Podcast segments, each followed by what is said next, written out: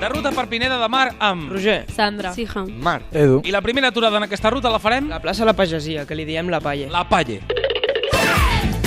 Com pots veure, aquí hi ha un parc on solen jugar els nens petits, al costat hi ha una font, en aquells bancs on ens solem sentar nosaltres. Què feu quan seieu en aquests bancs? No sé, parlem de les nostres coses, de noies també. M'interessa molt saber com li dieu a les noies aquí a Pineda de Mar, perquè des de xurris, xavalites... Aquí nosaltres els hi diem paves.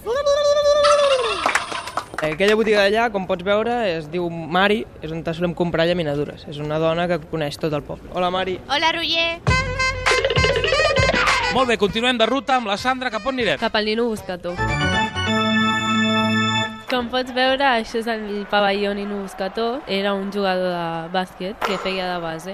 Sandra, i per què s'utilitza aquest pavelló? per jugar a bàsquet, eh, evidentment, i a les escoles de primària de, de Pineda es reuneixen aquí i, i fan cantades. Això vol dir que vosaltres veu venir aquí a fer cantades quan fèieu primària. Evidentment. Doncs vinga, fem una demo de les vostres cantades. I penso dins meu, quin món tan Bonic.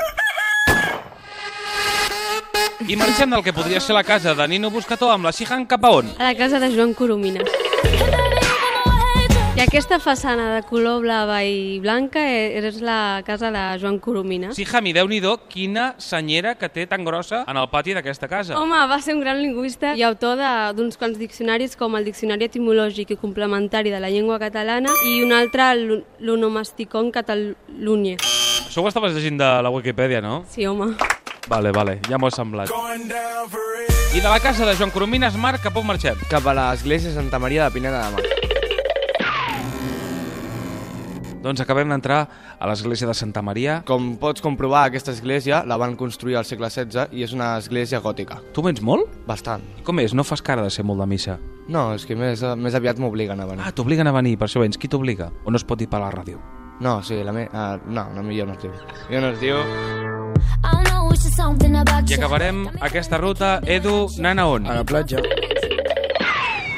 A veure, Edu, hem arribat a la platja. Aquí què veniu a fer? Cuidao! Que es pugui explicar. Pues, normalment venim a saltar amb boia, la plantem al terra i pues, fem mortals i coses rares. Plantem la boia? Què vol dir? Claro. Una boia de barco grande, pues, la plantem al terra i pues, saltem sobre. Tu ets un saltador bo? Soc el puto amo. Vols que t'ho demostri aquí? Va, demostra-ho, xulito. Doncs efectivament, Edu, ets un gran saltador. Et deixo aquí fent classes als teus companys, us quedeu saltant. Jo me'n torno cap a Barcelona. Que vagi bé. Vinga, nois, adeu, bon dia.